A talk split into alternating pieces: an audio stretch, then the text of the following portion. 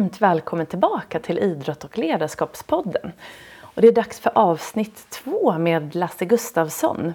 Och vi tar helt enkelt vid där vi avslutade förra veckan. Och eh, den här gången så pratar vi mycket om självkänsla och om självkännedom och hur du bygger upp det.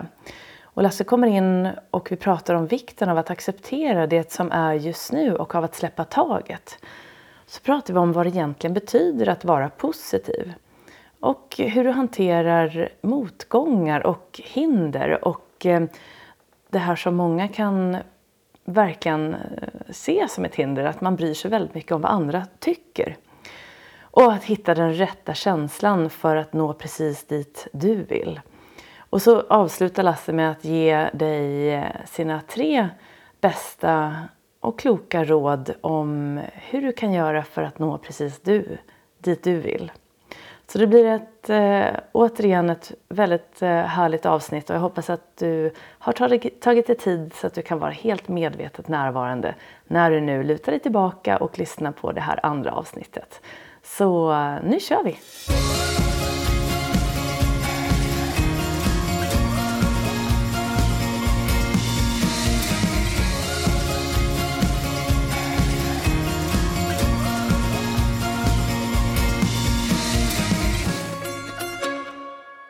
Ja, jo, men, eh, nej, men för att eh, du pratade om att du började läsa om mental träning efter flera år och märkte då att du hade ju gjort många saker som, som var just framgångsfaktorer för mental styrka och även då andra saker. Men, och då kom jag att tänka på just smakfaktorerna för att när Lars-Erik eh, forskade om mental träning från början, det började där i, på 60-talet, så kom man ju fram till just fyra framgångsfaktorer som var de gemensamma nämnaren hos personer som hade då den här framgången som han eh, då identifierade som framförallt den här inre framgången. Att man, man presterade på topp men man mådde också på topp. Man mådde bra och fungerade bra.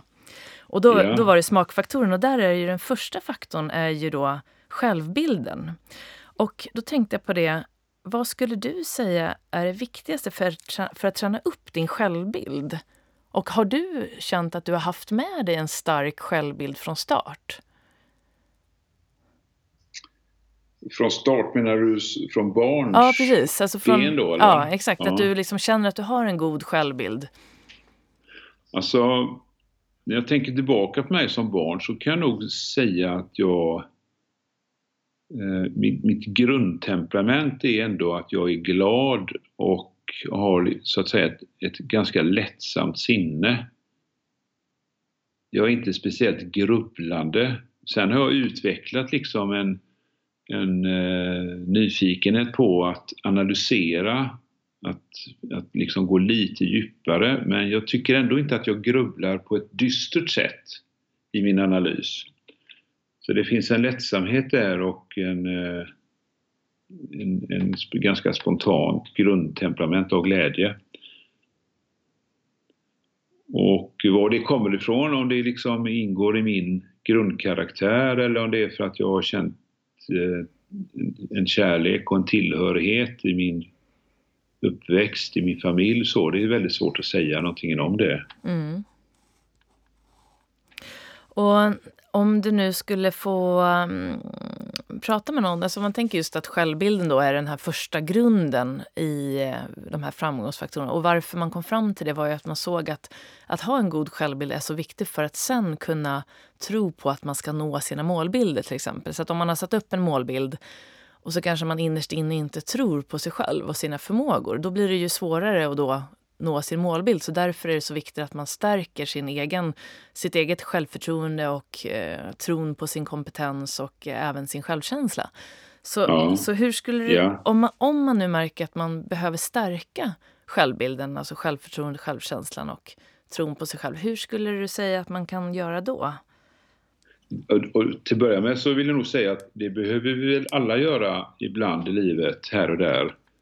Särskilt när vi utmanas Eh, till exempel av det som Anneli Pompe var inne på då med, med förändringar. Mm.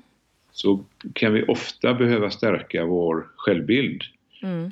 Och eh, man skulle väl kanske kunna tänka att självbilden består dels av självkänsla och någon form av självkännedom och kanske också självförtroende.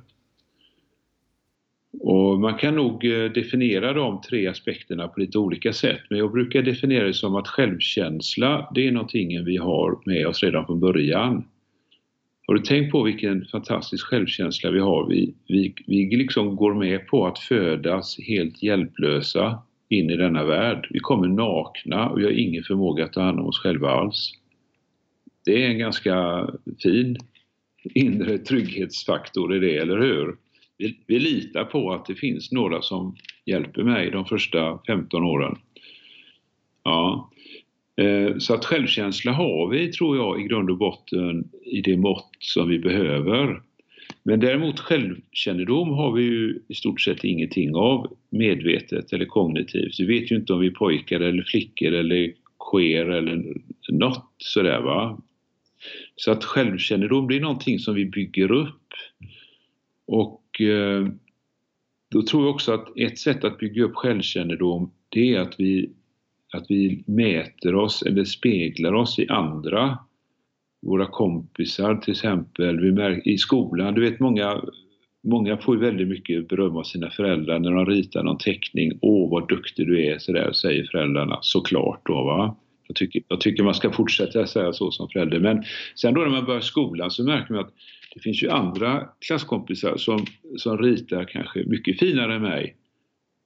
Och då börjar man bli liksom medveten om att okej, okay, jag kanske inte ritar bäst i hela världen faktiskt, utan det finns andra som har en eh, större fallenhet för det där. Så att när vi börjar bli medvetna om oss själva, då kan jag ibland uppleva att det suger en del självkänsla. Och eh, så att så att ibland så kan det hända att vi kommer till en punkt i livet där vi kan behöva återerövra förlorad självkänsla men samtidigt också fortsätta att utveckla vår självkännedom.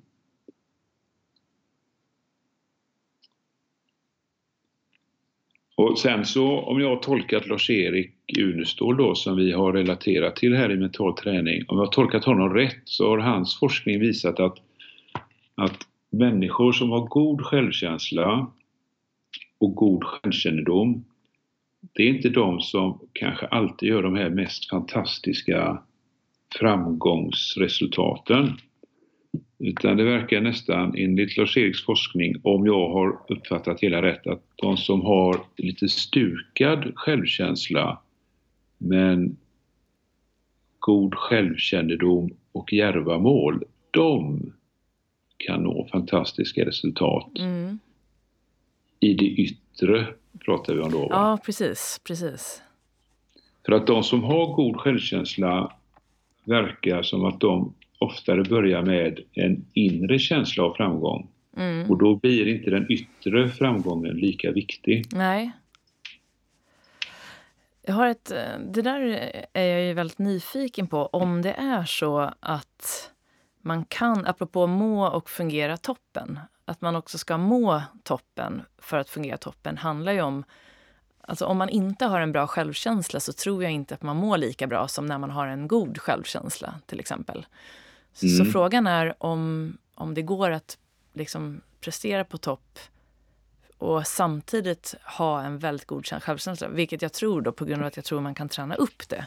Men det är ändå intressant för att jag, den yttre framgången brukar, det brukar bli en stark drivkraft. Eh, tror jag, när man inte känner att man mår bra eller man vill visa liksom vad man går för och man vill visa det i prestationen. Ja, vad, precis. Vad tror du om... Man vill, ja. Man, vill, ja, alltså man vill få ett yttre resultat ja. som bevisar att man är lyckad. Precis. Ja. Eller, att, eller att man lyckas i alla fall. Ja, för att man tror inte att man duger liksom bara för att man är. Nu är vi ju väldigt generella, ja. men det är intressant ändå eh, när jag hörde Lars-Erik prata om detta utifrån de här två aspekterna självkänsla, självkännedom och att lyckas i det yttre ja. mot att ha inre värden. Just det.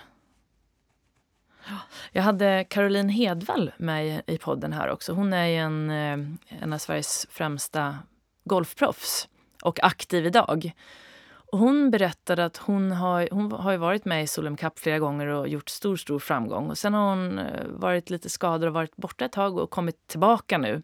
Och hon berättade att nu har hon in, fått en insikt i vikten av hennes balans. Alltså balans mellan hennes privatliv och golfen. Eh, och jag tror ju att så, när jag pratade med henne och nu när jag börjar se hennes eh, det här är ju utifrån min, eh, min åsikt, men efter att jag har pratat med henne och nu när jag ser henne spela så ser jag ju att det finns en helt annan styrka och ett lugn i hennes spel idag. Så jag tror att hon kommer bli ännu mer framgångsrik nu efter den här, vad ska man säga, eh, lite ändrade sättet att träna. Så hon tränar mindre teknik och hon tränar mer på till exempel få in avspänning i sitt sätt att spela. Så alla behöver ju ha de här 10 000 timmarna eller all den här tekniken men förr eller senare så kan man höja sig ännu mer genom att gå in mot den här inre framgången tror jag. Mm. Och det, det, ska bli väldigt spännande för att hon pratar just om det, hur hon har skiftat sin träning och hittat balansen och insett vikten av att pausa och återhämta sig från golfen för att sen komma tillbaka och vara ännu mer eh, alert liksom, i tävlandet. Ja. Mm. Mm.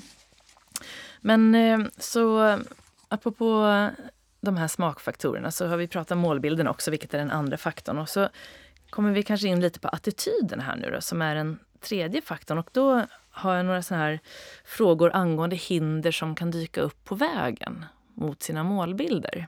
Och en, ett hinder som jag ofta stöter på eh, från andra och eh, som man ofta pratar om, det är att man bryr sig för mycket om vad andra tycker och att det kan bli ett stort problem, eh, vilket kan hindra ändå. Så eh, vad tror du? Och det tar ju energi från, man tappar liksom fokus på det man ska göra. Ja. Vad, vad är dina främsta råd och tips för att lära sig att hantera den här oron för vad andra ska tycka och tänka om dig?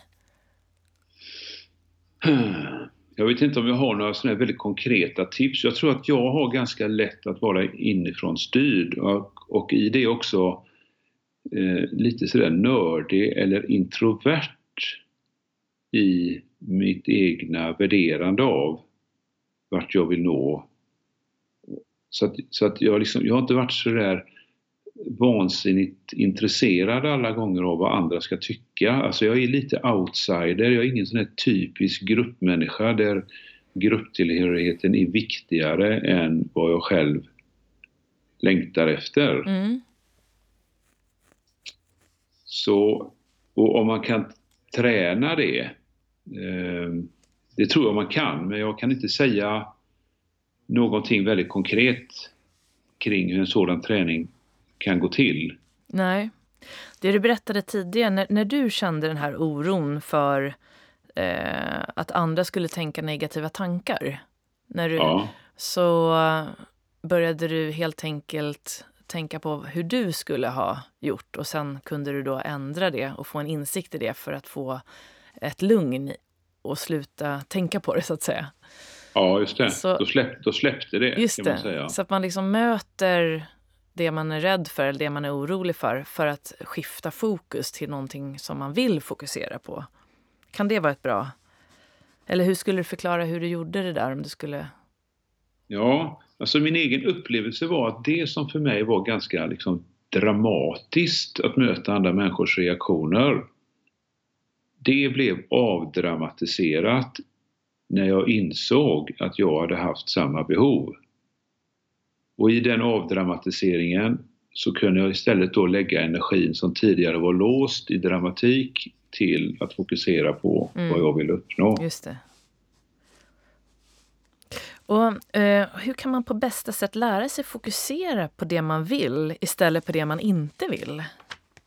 Det är väl att göra målet tydligt. Ja, just det. Och, in, och inte det är en sån där jätte etablerad sanning inom golfen att, att du gör liksom greenen tydlig och du gör bunkern eller vad heter det? Ja, vatt, Vattenhindret, vatt, ja. Vattenhindret, alltså ja. allt det där. Alltså titta på det du vill ska åstadkommas på något vis. Va? Ja, exakt.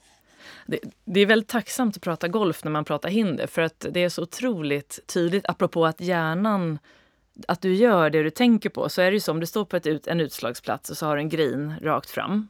Och på, ja. på höger sida har du ett stort vattenhinder med en fontän. Och på vänster sida ja. en jättestor bunker.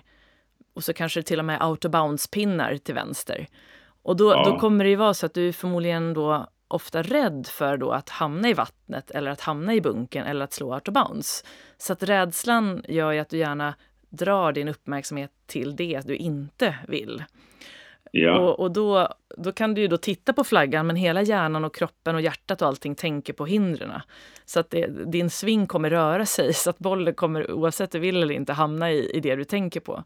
Så att det du säger är så otroligt eh, viktigt och, och, tydligt just i golfen att det gäller att titta på där man vill att bollen ska träffa. Och där är det ju väldigt eh, bra att jobba med mental träning med visualisering. Att gärna se det här flera gånger hemma på soffan. Hur man ser att man slår upp bollen och den hamnar på grinen. Ja. Man ser bollen. Och, ja.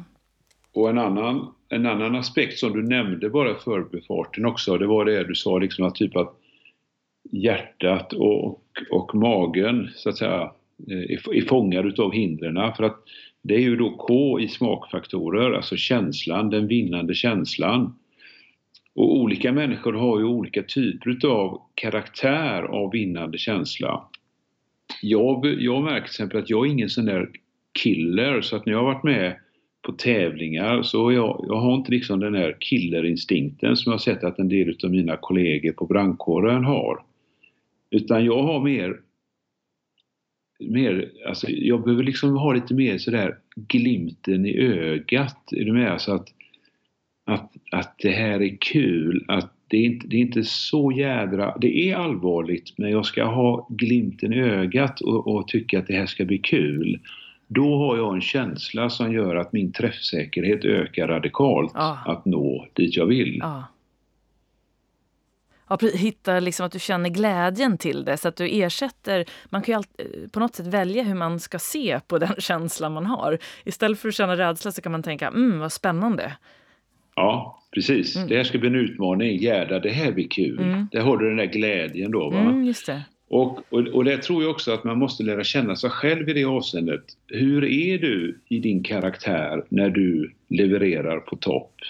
Är du en killer eller är du en glad skit som har liksom lite mer spjuver sådär eh, i din karaktär? Och, alltså att, att, att, att hitta det i sig själv för att, för att sen kunna frammana rätt känsla när du ska leverera. Just det. Ja. Det kommer du märka när du pratar med Caroline. Ja. Eh, för att det, det, jag, jag gick med henne och, och eh, jag spelar ju inte golf, vet du, sådär. men vad, vad fasen heter det när man bär någons... Caddy! Ja, just det. Jag var caddy ja. åt Caroline vid ett tillfälle och jag märkte liksom hon, hon har en väldig lättsamhet i, i sitt psyke.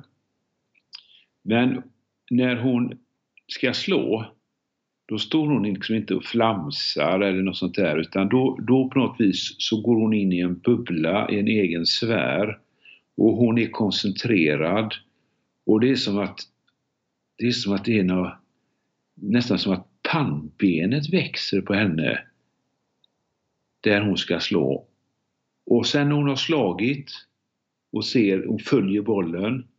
Sen kommer det här lättsamma leendet, hon spricker upp och sådär. Och, och jag vet att alla andra då som spelade i hennes grupp. Och bra Caroline, tack! säger hon då och så skrattar hon sitt fina skratt och sådär. Så jag märkte liksom på, för hon är ju, hon är ju professionell va, och hur hon, hon kunde gå mellan olika kynne beroende på var hon var någonstans på själva golfbanan. Mm. Ja, det är en otrolig styrka. Ja. Och, och där, just att ha en rutin där i slaget. För precis, jag vet att jag... Um, man brukar prata om två spelare som är väldigt olika. Och det är Jack Nicklaus, apropå att hitta sig själv i sitt sätt att... När man är i sin... När man tävlar då till exempel. Och så är det Lee Trevin och Jack Nicklaus. Han var då... Eh, båda de här... Eh, de är gamla nu, men de var före detta världsstjärnor då inom golf. Och Jack Nicklaus han kunde liksom gå helt tyst och han märkte inte ens att hans fru kunde gå komma bredvid honom när han var ute och spelade. Och liksom Ja. var väldigt koncentrerad, pratade inte och sådär hela tiden. Och sen Lichevine, han liksom kunde skratta, sjunga, snacka med publiken och sådär. Men sen när han kom fram till sin boll, då var det bara liksom totalt koncentration tills bollen var iväg. Och sen när han la tillbaka klubban i baggen igen, då liksom, ja, tjena, tjena. Du vet, så det var två Ja, helt olika, olika personligheter. Ja, Så det är nog ett bra tips att hitta hur du själv är i din karaktär när du levererar på topp. ja. Och, och lita på att det är, den, det är den man då behöver vara.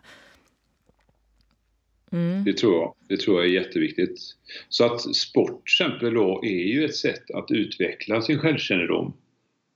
Eftersom att sport är så lätt att mäta resultat. All sport bygger på att du ska kunna mäta centimetrar, sekunder, eller antal slag och sådär va. Så det är väldigt bra instrument för att få fram då hur, fungerar jag och när levererar jag som bäst. Mm. Eh, apropå det här med att vara positivt och att vara, att vara positiv och att vara liksom negativ och hur tankar påverkas, så undrar jag Ibland så brukar jag stöta på människor som liksom säger så här, "Ja, men, eh, ja, men det är så jobbigt när folk säger att jag ska tänka positivt hela tiden.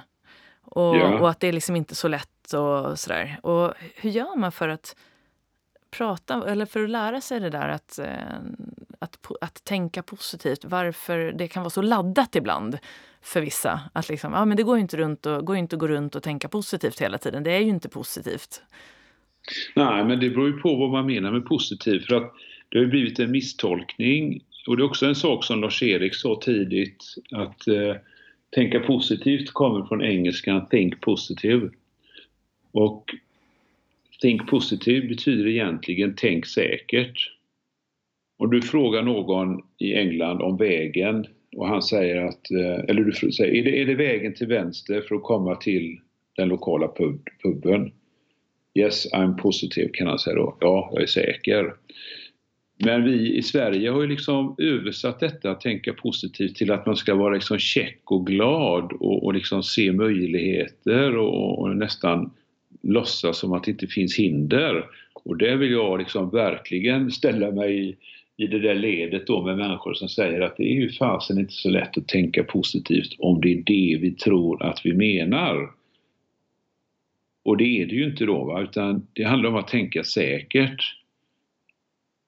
Och, och vad innebär det då att tänka säkert? Ja, det var lite grann det jag upplevde initialt när jag hade skadat mig. Det var att hitta sanningen och inte gå på sina egna lögner. Alltså inte, inte ljuga för sig själv, inte hitta på att jag har mer otur än någon annan och att nu, nu är jag ett offer och, eh, och så vidare. Va? Utan att på något vis hitta vad är sanningen i detta och där ökar känslan av att jag kan vara säker. Mm. Och, och där i ligger då det positiva. Just det, det är en jättefin eh, definition på det. För, för Ja. det är ju det andra som jag tror kan vara triggande. Att, Ja. eh, eller hur? Att, och det är ju... Och det, ty- Mm. tycker jag, det tycker jag att man ska triggas av också. Eller hur? Ja. Det är ju som han som står liksom med foten i en rävsax, liksom. foten i kläm, jajamän. ja, just det. Sådär, va? Ja. Det är ju bara patetiskt. Ja. ja, men precis. Det känns inte äkta heller, för det är ju inte så för någon. Att Nej. allt är liksom happy, happy och lätt och sådär. Alltid. Ibland, ibland är det ju det och, och ibland är det inte det. Mm. Mm. Ja. Ehm, och eh, inom mindfulness, du som eh, känner till och jobbar med mindfulness också, så att, att vara medvetet närvarande, så finns det ju nio attityder man brukar prata om och ha som förhållningssätt tillsammans med olika meditationer som man kan jobba med. Och en av de här förhållningssätten för att då eh, finna ro och eh, medveten närvaro är ju acceptans. ja. Och det här att acceptera nuläget för att kunna börja vägen framåt är ju jätteviktigt. Ehm, efter att man då har satt upp den här starka målbilden, att gå tillbaka till nuläget och acceptera det. Vad var det som gjorde att du fullt ut kunde acceptera det som hade hänt så att du kunde liksom gå vidare? Återigen så vill jag påstå att det var min kraftlöshet som gjorde att jag inte kunde vägra sanningen utan jag kunde bara acceptera sanningen som den var. Och det som var så fantastiskt i den acceptansen, det var att det var som att det fanns ett lugn i acceptansen. Så det som, det som man lätt kan tänka då att åh, det måste varit förtvivlande och det måste varit oerhört stressande och det måste varit frustrerande och allt det där som skapar storm i en människas liv. Va? I acceptansen så fanns ett lugn. Och det, vet, det finns ju också något som, som heter att i stormens öga finns en stillhet. Och det, eh, det var så himla skönt vid ett tillfälle när jag hade en föreläsning i Hamburgsund på västkusten och där finns det många kustfiskare. Och efteråt så pratade jag med några snubbar som hade varit med och då sa de just det, de kunde bekräfta det att även i verkligheten är det så att, att mitt i stormen är det kavlugnt. För ibland menar de på när de är ute och fiskar ute, ute vid väderöarna så har SMHI missat att det är en storm på gång och man hamnar mitt i den här stormen. Men när du är mitt i stormen, då ligger vattnet alldeles bleke och så, och så ser du hur på en, en och två sjömil runt omkring dig så är det alltså en vrålande storm. Där, där, liksom, där havet piskas upp utav den här rytande stormen. Men mitt i centrum, i stormens öga, där finns ett lugn. Och där symboliskt då i, i acceptansen så är det ju stormens öga och där finns det lugn och där kan man hämta kraft. Och så finns det ju också då kopplat till mindfulness något som heter den paradoxala förändringsfilosofin som säger att om du vill förändra något så måste du först och främst paradoxalt nog acceptera att det är som det är. Kan du göra det så kan du sen med större sannolikhet förändra det som är som, som det är just nu. Mm. Mm. Ja, precis. Och släppa taget om det som har varit och det som komma skall. Ja, och kan du lek bara med den känslan. Känn att du liksom krampaktigt håller dina händer i någonting samtidigt som ditt inre skriker Nej, jag vill inte förlora det här. Mm. Känn på den mm. mot att du släpper taget och ger dig själv ett okej. Okay. alltså det, mm. det blir ju ett lugn, det blir en utandning i okejet. Ja. ja. Mm. Och du, du har ju en, tre fina värderingar eller ledord vet jag som, som jag nämnde i din introduktion. Ja, just det. Eh, kraft, kärlek och visdom. Och när man, mm. när man tittar på de orden och eh, nu när vi pratar om acceptans och medveten närvaro och liksom släppa taget så eh, känns det ju väldigt eh, lugnt och eh, vad ska man säga, vackert när man läser om det. Så vad betyder de här ledorden för dig? Eh, de kommer ifrån en, en väldigt stark eh, visuell upplevelse jag hade när jag var medvetslös.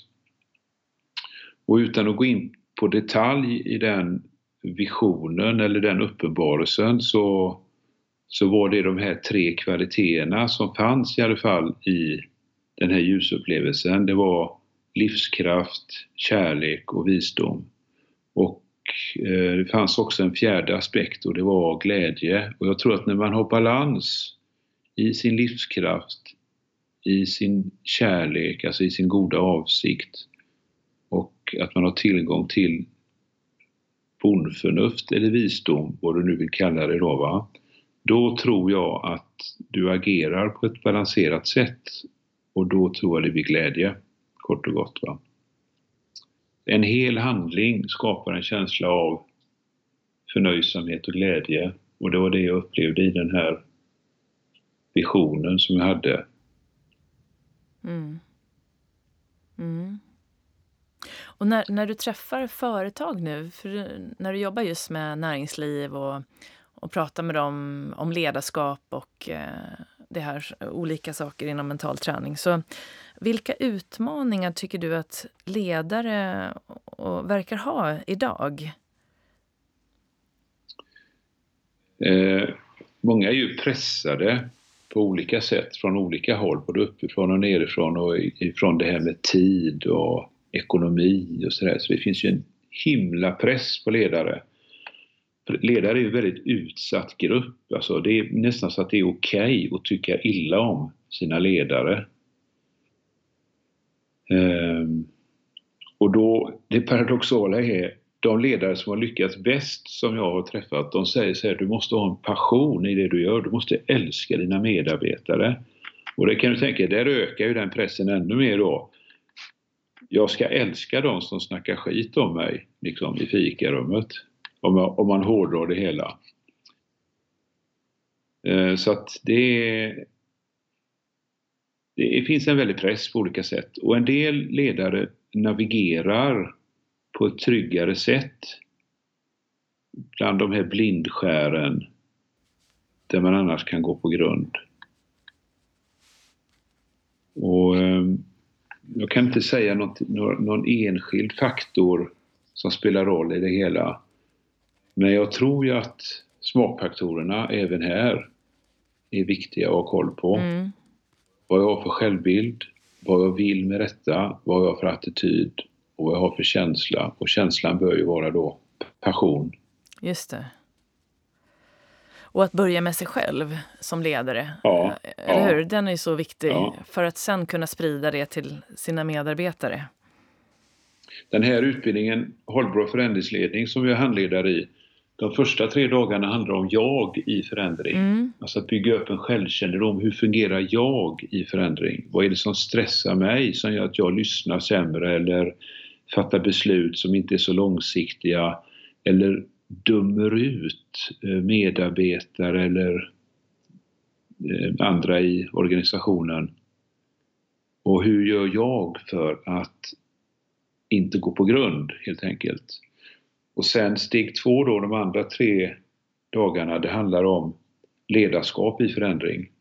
Så självkännedom är en jättebra början tror jag, om man vill eh, fungera på ett uthåll, alltså ett hållbart sätt. Ja, precis. Både som människa men också i sin roll som ledare. Mm. Har det ändrats mycket nu under åren du har eh, jobbat med företag och varit ute hos dem? Har du sett den här förändringen av att pressen har ökat väldigt mycket? Ja, det kan jag absolut säga.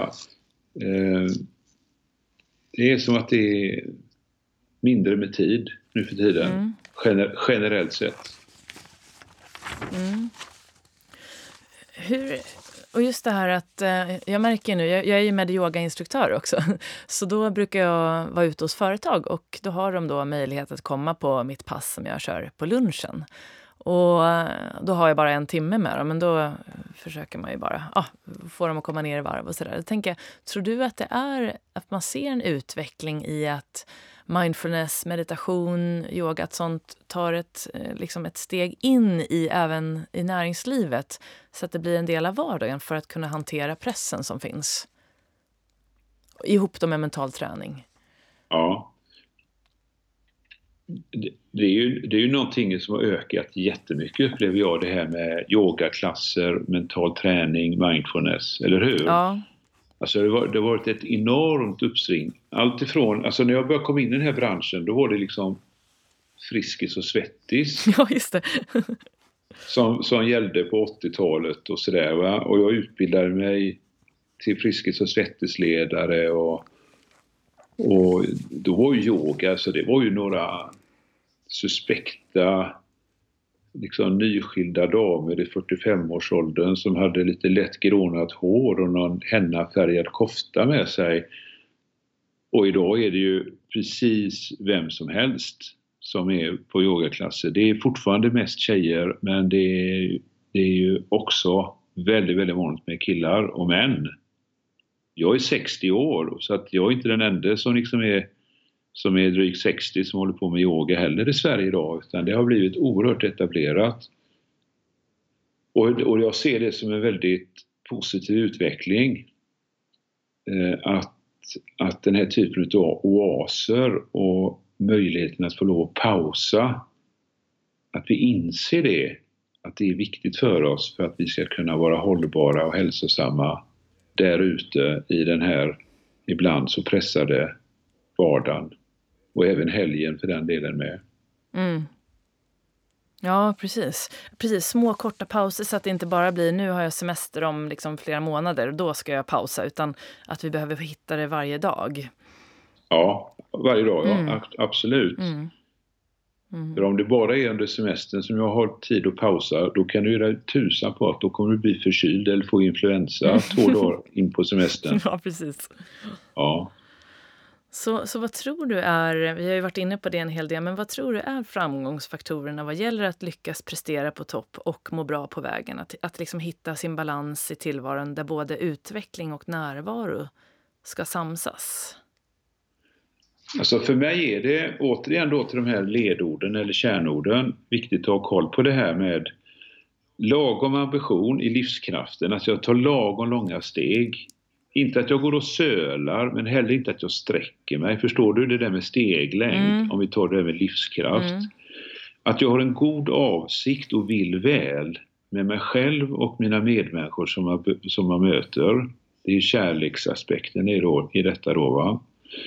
Och att det sen finns någon form av omdöme eller bondförnuft eller visdom, vad vi nu vill kalla det, med i liksom avvägningen av det här. Och om jag har balans på de tre faktorerna, då tror jag att det finns en glimt av glädje i min process framåt mot det som jag önskar uppnå. Och då är det ju så att vissa dagar, vet du, då har jag inte så mycket livskraft. Och då får jag acceptera det, att nu blir det lite kortare steglängd idag. Jag brukar fråga så här ibland, ni, ni som har varit småbarnsföräldrar någon gång, älskar ni era barn? Ja, säger ju alla. De kan ju inte med sig annat heller, eller hur? Nej. ja. Och har ni tänkt på det att när man blir förälder, man behöver inte gå en kurs utan de släpper hem en efter två dagar ifrån BB och så säger de bara, de här glada barnmorskorna, lycka till nu. Och så litar de på att man har en medmänsklig visdom i sina gener som gör att man gör hyggligt rätt med den här lilla nyfödda parven. ja, precis. Ja. ja. Men ni som då är eller har varit småbarnsföräldrar, har ni varit med någon gång att man vet vad barn, barnen behöver, man vill barnen väl, men man orkar inte just nu att tillgodose det behovet? Ja. Har ni varit med om det? Brukar jag fråga. Och alla, alla känner igen. Yes, Ibland har man inte ork. Va? Och då, då har du så att säga inte kraft fullt ut just nu. Du vill dina barn väl, du vet vad de behöver, men du orkar inte. Och då kommer kontrollfrågan. Har man en glimt av glädje då i ögonvrån? Nej, det har man inte. Då är man trött, då är man sliten, då vill man helst gå och lägga sig och man kanske till och med känner sig otillräcklig och nästan skäms. Va? Ja. Och ibland i livet så kanske man har jättemycket energi och livskraft och så vidare och man vill väl, jippi! Och så hoppar man i galen tunna för man tänkte sig inte för. Känner ni igen det? Ja, det känner ju folk också igen. Så här, va? Då har man liksom tappat bort det här förnuftet som gör att man överväger och är just omdömesgill. Då har man tappat visdomen. Och ibland har man livskraft och nu tror jag i sig inte att visdom kan existera utan kärlek. Jag tror att de två aspekterna krokar arm med varandra. Men ibland kan man ju liksom ha livskraft fast man är lite cynisk och kärlekslös och så listar man ut en trevlig liten hämnd så att man kan ge ett tjuvnyp. Känner ni igen det? brukar jag fråga. Ja, det, det känner ju folk också igen. Mm. Och då är det inte en glimt av glädje, möjligtvis en glimt av skadeglädje kanske man har då i ögonvrån. Och, och det blir ju ren djävulskap då om vi ska tänka religiöst då. För att jag tror alltså att det är, eh, det är någonting himmelskt eh, när man har balans i de här tre själsliga kvaliteterna som jag tror att det här handlar om. Mm. Jag tror att själen, själen är liksom ingen liten pryl. Alltså det är ingen liten diamant sådär, utan jag tror att det är energi som består just utav livskraft, kärlek och en naturligt flödande visdom. Mm. I balansen där så finns det en glädje som är stillsam men ändå bara så underbar att uppleva. Mm. Mm. Ja, jag satt och tänkte på att det skulle varit härligt att um, varit med er där när ni satt och pratade. Du och din sambo och Björn och hans sambo. När ni pratade om, om, om, ja. om, visdom och kärlek. Och jag kan tänka mig att diskussionerna eller samtalen blir väldigt kärleksfulla och liksom kloka och viktiga sådär. Fast ska jag vara helt ärlig så pratar vi nog mest vilken ale-sort som var godast jag och Björn när vi satt framför brasan. ja, och det är det som är visdomen kanske. Eller hur? I alla fall så var det livsglädje i de samtalen. Ja, precis. Ja, ja. vad härligt. Du läste, vad har du för framtidsplaner nu då? Inga större sådana påtagliga framtidsplaner faktiskt. Eh, jag tycker livet rullar på väldigt bra som det gör. Eh, jag jobbade betydligt mer när barnen var små. Och eh, jag har liksom ingen försörjningsbörda så att just nu jobbar jag egentligen mest för att det är kul. Sådär. Givetvis så fakturerar jag fortfarande, i alla fall de absolut flesta uppdragen. Det händer väl att jag gör några sådana här äh, gratisuppdrag också ibland. Men eh, finns ett annat värde i det också. Så att, eh, och jag är 62 år och jag ser inte fram emot att bli 65 när jag får lov att, liksom slå ihop orderboken för gott. Det vill jag inte göra helt enkelt för att det ger mig en speciell känsla av meningsfullhet att få lov att träffa människor i föreläsning och utbildningssammanhang. Att se andra människor liksom få insikter, att se andra människor liksom få den där glimten i ögat av att fasen nu blir jag nyfiken på mitt egna liv. Det är obetalbart att uppleva människor som är sig själva på spåret. Ja, jag tycker du ska jobba hela, så länge som det bara går. För sådana personer som dig behövs verkligen här jag ute. Jag jobbar 62 år till, ska vi säga så? Ja, vi gör det. Ja.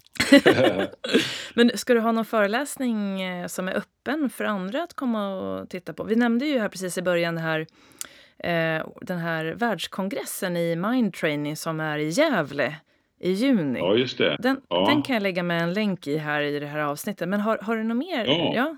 Du... Den är ju öppen, den är öppen för allmänheten. Ja. Eh, sen, sen, så börjar jag faktiskt nu i mars här med en, en kortare föreläsningsturné i södra Sverige. Den heter Häpna, hissna, le. Och jag har de tre orden för att jag upplever att eh, vi har en, en kultur som på något vis bygger på att man ska vara lycklig.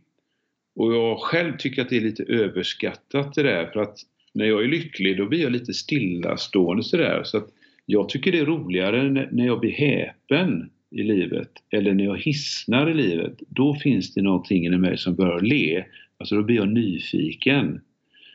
Så den här föreläsningen då, Häpna, hissna, le, den bygger på mänskliga men även magiska möten jag varit med om i livet som har fått mig att häpna, att hissna och som gör att min själ ler. Mm.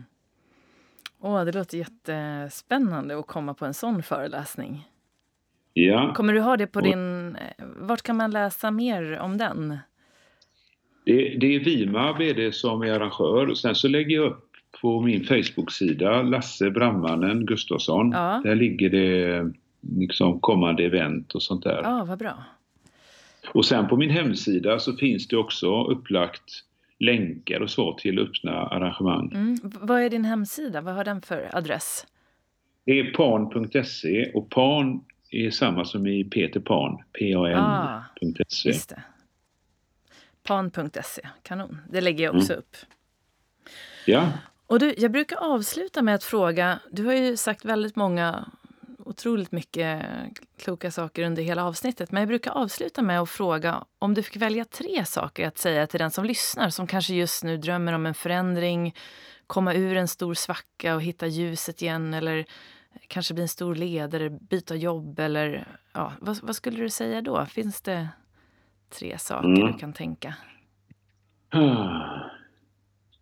Alltså det är ju så, det är ju, det är så väldigt diskreptans i de här områdena som du beskriver. Är man i en djup svacka och vill komma vidare så är det, det är någonting som man får närma sig med omtanke och omsorg. Det kan man liksom inte ge något checktips känner jag. Är det någon som vill ha en förändring i livet så är det mycket lättare att komma med, med någon form av tips i så fall. Och eh, jag tror att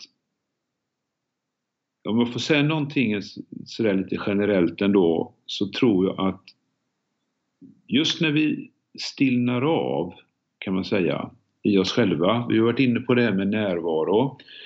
Och när vi stillnar av då kan vi ibland komma i kontakt med den där rösten eller det där intuitiva som inte är så högröstat inombords. Och då kan vi ibland få en känsla för nästa steg och i vilken riktning som jag bör ta det där steget. Och stillna av innebär inte att vi måste sitta i lotusställning och liksom hålla tumme och långfinger emot varandra utan det kan vara till exempel när man tar hand om eh, viktvätten eller när man står och diskar gårdagens partydisk. Alltså om man bara liksom är i nuet och står och gör någonting som inte upptar hjärnan så himla mycket då kan det ibland hända att det klingar till där inne i systemet som gör att man får en idé, en insikt, en aha-upplevelse så känner man just det, det kanske blir mitt nästa steg. Mm.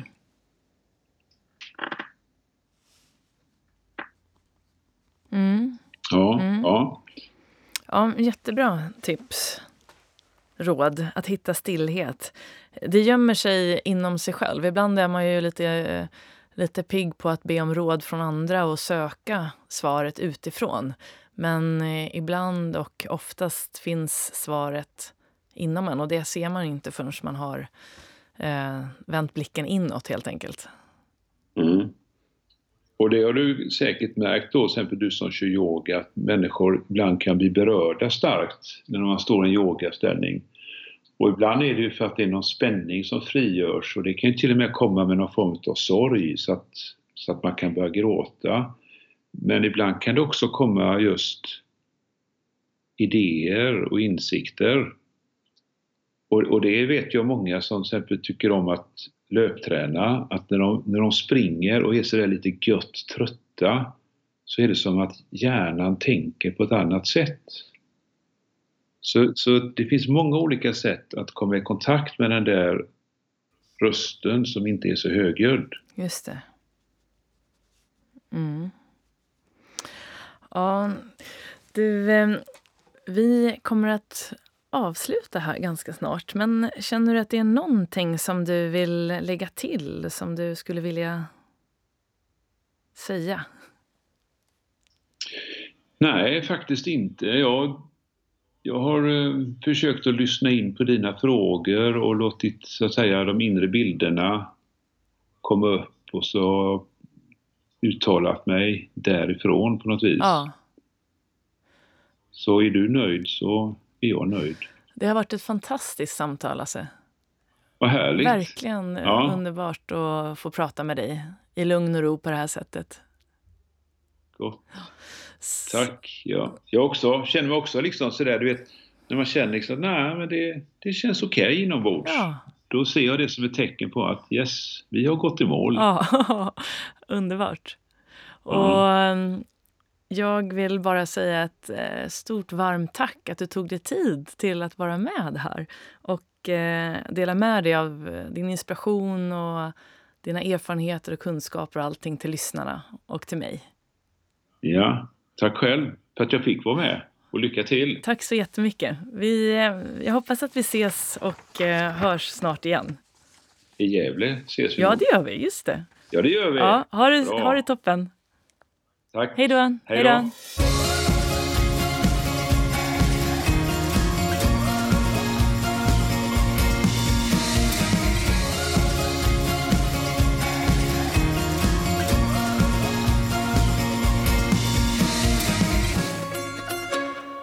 Då har du fått lyssna till det andra avsnittet med Lasse Gustavsson.